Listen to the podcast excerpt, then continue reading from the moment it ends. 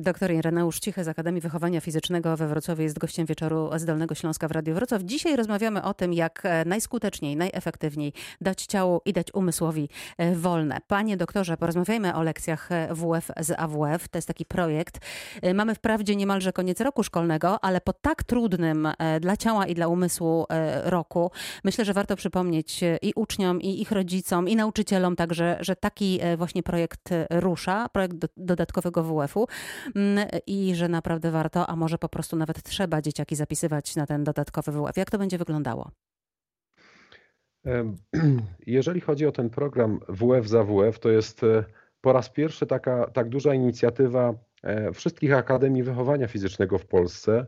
E, pomysłodawcą tego programu było Ministerstwo Edukacji i Nauki, e, a koordynatorami głównymi są wszyscy rektorzy poszczególnych AWF-ów. W naszym wypadku to jest pan profesor Rokita, który biorąc pod uwagę możliwości każdej z uczelni, potencjał kadrowy, staramy się przygotować po pierwsze E, blisko 60 szkoleń dla nauczycieli e, edukacji wczesnoszkolnej i wychowania fizycznego, co bardzo istotne, nie tylko dla nauczycieli wychowania fizycznego, dlatego że ten pierwszy etap jest bardzo istotny, a dzieci, które mm, trafiły dopiero co do szkoły, mają problemy z edukowaniem się w sposób tradycyjny, bo korzystały z nauki zdalnej, mają również problem. Czyli to tym, będą szkolenia dla nauczycieli e, klas 1-3 też, tak?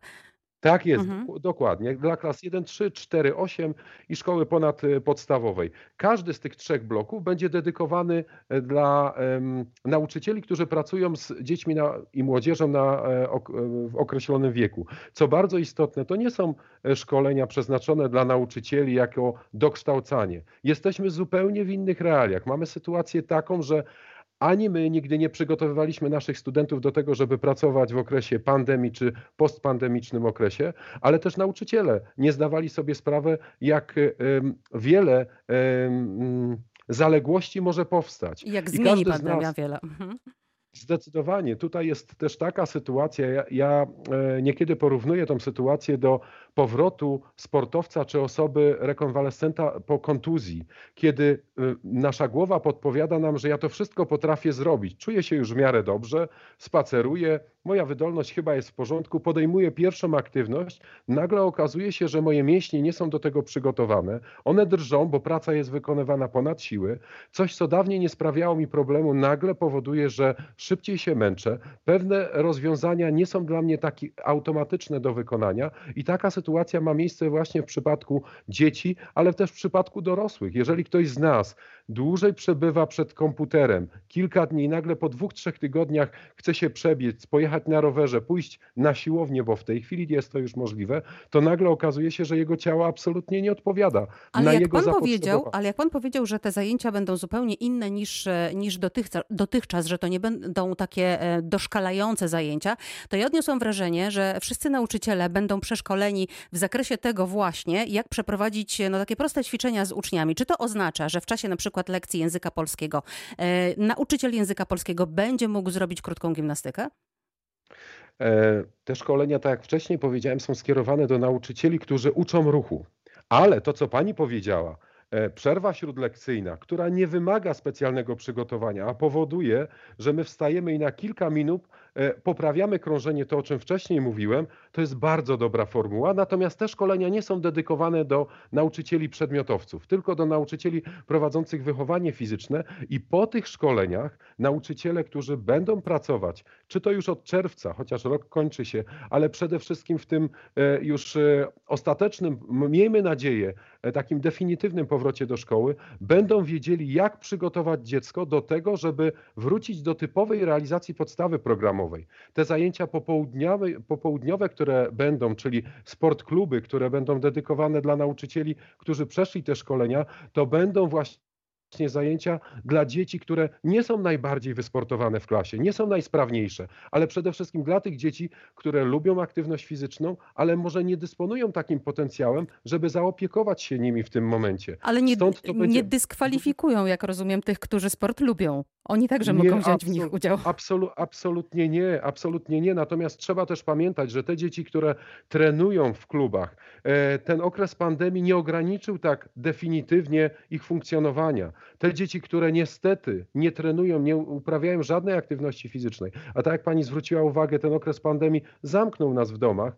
Jeżeli świadomy rodzic, który jest pierwszym nauczycielem ruchu, nie dbał o tą tężyznę fizyczną dziecka, nie zmuszał go trochę do aktywności i sam nie dawał przykładu, to pojawiają się takie przypadki, że to dziecko ma bardzo duże deficyty, a w tym okresie rozwojowym nadrobić to, to właśnie musi zrobić specjalista. Nauczyciel wychowania fizycznego to tak jak lekarz, ma przede wszystkim nie szkodzić, a teraz musimy indywidualnie patrzeć, jakie są potrzeby dziecka, do tego, żebyśmy e, op, op, e, opcjonalnie dostosowywali obciążenia do indywidualnych potrzeb i możliwości Mówił naszych... pan, mówił pan że, że nauczyciele będą do, e, doszkalani, także ci nauczyciele młodszych e, klas. To znaczy, że uczniowie będą mieli więcej lekcji WF-u, zajęcia WF-u dodatkowego, czy też kluby właśnie sportowe po lekcjach? Tak, jeżeli chodzi o same szkolenia, to cele są tutaj dwa. Jedno to typowe, czyli 4 godziny, 4 godziny wychowania fizycznego, które są realizowane w szkole podstawowej, żeby obejmowały ten naturalny, łagodny powrót. Nauczyciele będą na to przygotowani, bo to są na tych szkoleniach nawet nie doszkalanie będzie, a dla nas to będzie taka współpraca partnera, które ma duże doświadczenie, z partnerem z AWF-u, który ma duże doświadczenie teoretyczne i staramy się wspólnie zaopiekować tym dzieckiem. Natomiast drugi etap, który będzie realizowany już e, na Dolnym Śląsku przede wszystkim na Opolszczyźnie, bo, bo tutaj e, e, Akademia Wychowania Fizycznego we Wrocławiu poprzez współpracę z kuratorami opolskim i dolnośląskim zaangażowaliśmy i przez spotkania pana rektora z ponad dwóch tysiącami dyrektorów i nauczycieli, że to zaangażowanie jest bardzo duże i popołudniami dzieci faktycznie dostaną dodatkową dawkę godzin, na potrzeby jakby wzmocnienia tego rozruchu, który jest potrzebny. Na dzień dzisiejszy to będzie kilka miesięcy, natomiast biorąc pod uwagę monitoring, który będzie prowadzony, z pewnością, jeżeli będą niezadowalające i niewystarczające efekty realizacji tego programu, on będzie e, przedłużony. Natomiast intencja jest taka, żebyśmy płynnie spróbowali wrócić do czegoś, co było przed pandemią.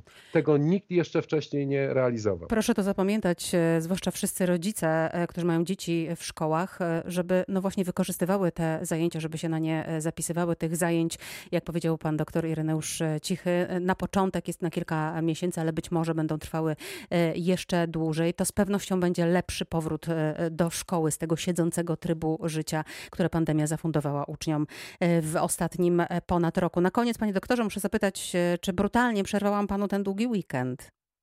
Nie, nie brutalnie, ale muszę powiedzieć, ja jestem takim typowym rekonwalescentem. Przez dwa tygodnie nie ćwiczyłem, a jestem uzależniony od ruchu, ale w pozytywnym tego słowa znaczeniu. Mhm. Nie jestem sportowcem. Czyli przebieszka jakaś była.